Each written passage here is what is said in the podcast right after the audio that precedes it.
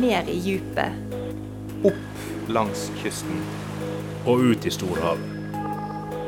Havpodden, en HI-podkast.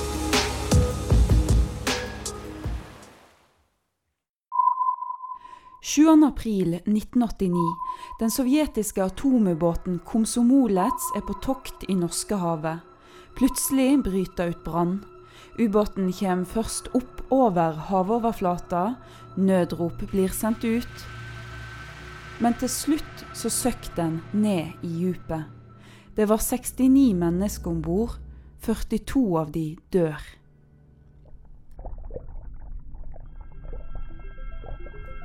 30 år seinere er en undervannsrobot på vei ned mot vraket. Det skal ligge på nesten 1700 meters dyp. Roboten heter Ægir, og den filmer alt den ser. Høyt over hodet til Ægir, om bord på forskningsskipet Geosars, går filmen direkte på store TV-skjermer. Framfor dem sitter toktleder Hilde Elise Heldal spent og følger med. For en veit ikke den nøyaktige posisjonen det kom som Olets, og det kan være Ægir må leite ei stund der nede i djupet. Det var veldig spennende når vi var på vei ned eh, og nærmet oss bunn. Eh, og da, eh, faktisk, med en gang vi vippet kameraet opp, så så vi bakenden og propellen. Og det var jo veldig spennende. Vi ser en propell. Og først så syns jeg det så litt sånn lite ut. Eh, men når vi liksom fløy litt opp og hevet eh, kameraet, så, så, skjønte du liksom at dette Jo, det var Komsomolets vi så, eh, og den er stor. Komsomolets er den eneste kjente radioaktive trusselen i norsk farvann. På 90-tallet og i 2007 påviste russerne lekkasjer fra vraket. Havforskninga og Strålevernet har tatt prøver av sjøvann og havbunnen nær ubåtvraket siden 90-tallet. Men de norske forskerne har aldri vært nede med kamera og sett vraket med sine egne øyne. Ikke før nå.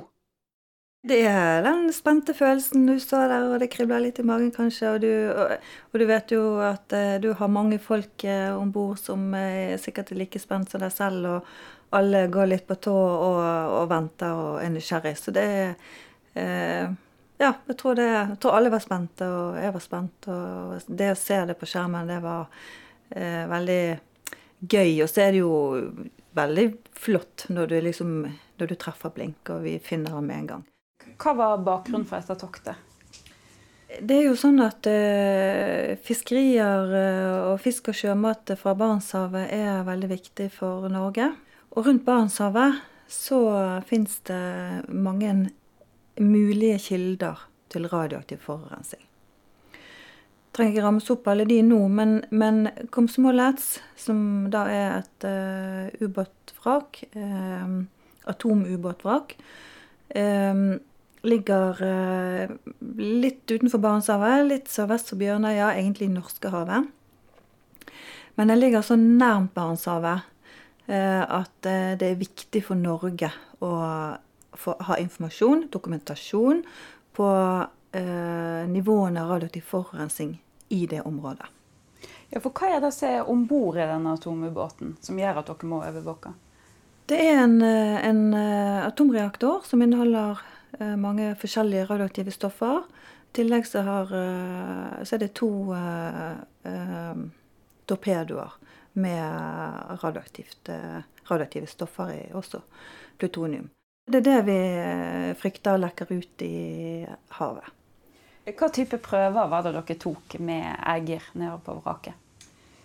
Det som er spesielt med Ægir, som vi ikke har hatt mulighet til før, er at den har um, armer eh, som du kan feste F.eks. en arm kan du ha en sånn klo på, så du kan gripe tak i eh, vekster på vraket. Det gjorde vi. Eh, vi. Den hadde en slags vakuumsuger som vi brukte til å suge også andre vekster. Så da tenker jeg på det var eh, noe svamp og litt andre typer biologiske eh, prøver da, som vi kunne suge opp og inn i en beholder. Eh, vi kunne feste på en eh, slags sprøyte på en av armene. Som vi kunne eh, ta prøver av sjøvann med. Eh, vi kunne også feste noen rør på armene som vi stakk ned i havbunnen for å ta prøve helt eh, ved siden av vraket. Lekkasjen russerne hadde funnet før, var på en bestemt plass på vraket, nemlig inne i et ventilasjonsrør. Derfor tok de norske forskerne prøver direkte fra dette røret. Og Da fant vi ut uh, først uh, at uh, prøvene våre inneholdt ikke noe særlig Eller vi fant rett og slett ikke noe forurensning i dem. Um, så gikk det litt tid. Vi holdt på med litt andre ting. tok prøver igjen samme sted. Og så fant vi ut at de inneholdt forurensning. Først eh, noe for høye nivåer. Og så, i en, enda en ny prøve, fant vi ganske mye forhøyede nivåer av det radioaktive stoffet cesium-137. Sammenlignet med det som vi ellers finner i Norskehavet. havet. Ja, hvor mye var det? Den prøven som inneholdt eh, det høyeste nivået, var ca. 800 000 ganger høyere enn det vi finner i Norskehavet, i sjøvann. Det høres jo veldig mye ut, men Det høres veldig mye ut. Og, og sammenlignet med det som er i, i Norskehavet, så er det jo det. Men det som fins i Norskehavet, eh, er veldig, veldig, veldig lite. Det er veldig lave konsentrasjoner. Og det er sånn med radioaktiv forurensning at vi er i stand til å måle veldig lave konsentrasjoner. Så selv om de nivåene vi fant var 800 000 ganger høyere enn de veldig lave konsentrasjonene, så, så er det ikke så veldig høyt. Så det er ikke nødvendigvis en fare for eh, hvis en spiser fisk fra Norskehavet f.eks.? Det er ikke noen fare for eh, altså noen helsefare eller noen fare knyttet til nivåer i fisk eh, og sjømat fra området. Det er det flere grunner til. Eh, for vi tok prøve i ventilasjonsrøret og målte høye nivåer.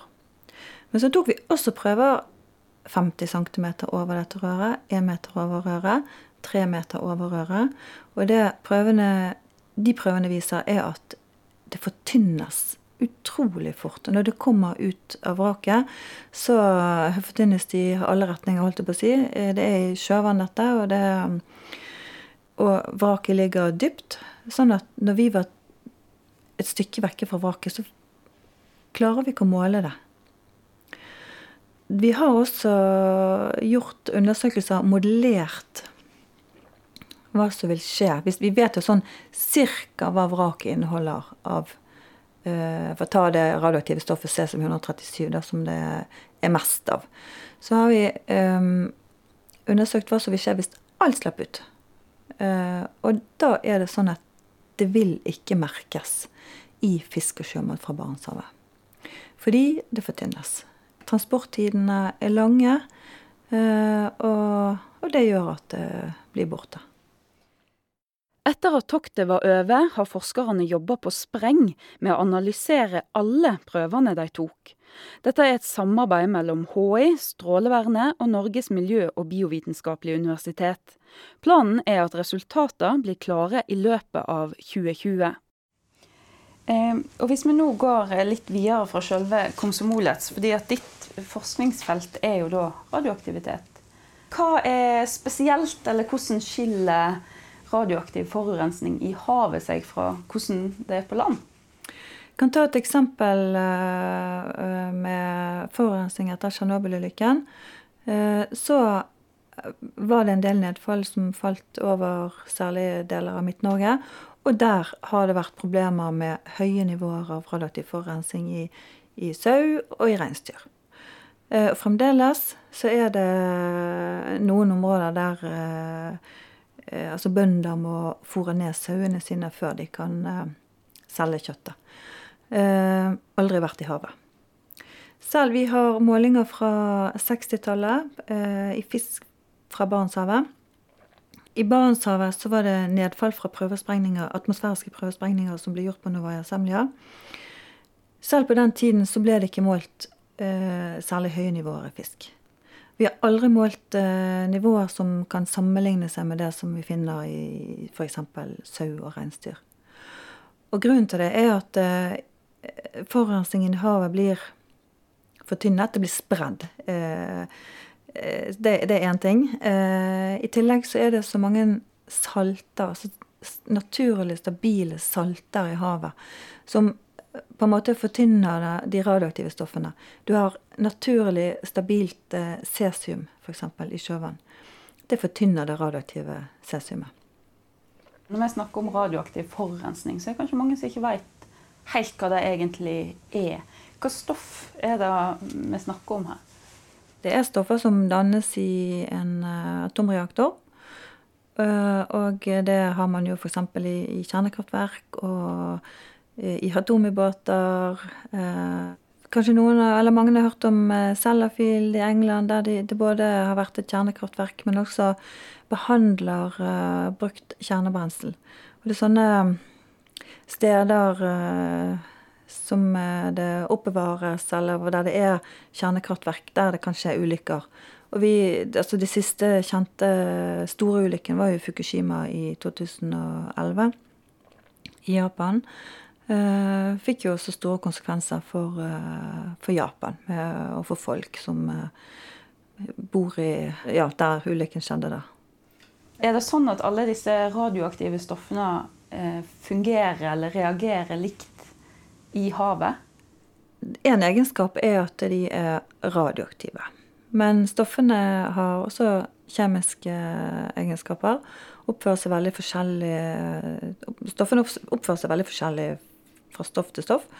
Um, cesium 137 og strontium 90 vil uh, i hovedsak uh, spres med havstrømmer. Eh, andre stoffer, som f.eks. plutonium, er mye mer eh, partikkelreaktivt og vil avsettes eh, f.eks. i havbunnen rundt et sånt atomubåtvrak. Så det, stoffene oppfører, seg veldig forskjellig fordi at de har forskjellige kjemiske egenskaper. Selv om komsomolets er den eneste radioaktive trusselen som ligger i Norge, er det flere mulige utslippskilder rett over grensa til Russland, forteller Hilde Elise. Det ligger en uh, ubåt i Murmanskfjorden. Uh, den heter K159. Det er andre kilder også, men jeg vil trekke frem den uh, fordi den ligger på ca. 250 meters dyp. midt i viktige fiskeriområder. Der er det ikke dokumentert noe uh, lekkasje fra den. Uh, men den ligger mye nærmere fiskeriområdene våre, mye grunnere enn Komsomolets. Sånn at en lekkasje fra den ubåten vil ha andre konsekvenser enn lekkasje fra Komsomolets. Dette har vi også modellert uh, og funnet at konsentrasjonene i torsk og lodde i Barentshavet vil øke. Um, de vil ikke øke så mye at de vil uh, overstige grenseverdien som ble satt uh, av uh, Mattilsynet etter Tsjernobyl-ulykken. Den er på 600 becquerel per kilo. Så vi vil ikke få nivåer sannsynligvis som vil ha noen konsekvenser for folks helse. Men det kan likevel få konsekvenser for fiskerinæringen. For bare det at fisken inneholder radioaktiv forurensning, nivåene har økt, gjør jo at eh, sannsynligvis de, det vil få økonomiske konsekvenser for den næringen, tror jeg. Det er altså flere mulige kilder til radioaktiv forurensning rundt Barentshavet. Likevel kan du nyte skreisesongen uten å være redd for helseskade. Budskapet mitt er at det er viktig å overvåke for å kunne dokumentere. Nivåene er lave, det vet vi i dag. Eh, vi må fortsette å følge med, fordi vi vet at dette er viktig å ha kunnskap om. Men bør folk være redde for å spise sjømat? Folk bør ikke være redde for å spise sjømat, eh, i alle fall når det gjelder radioaktiv forurensning. Havpodden er en podkast fra Havforskningsinstituttet. Jeg heter Stine Hommedal og er rådgiver her. Teknisk produksjon og lyddesign var det Febril Film som sto for. Og du, du hører oss snart igjen. Vi er tilbake onsdag etter vinterferien.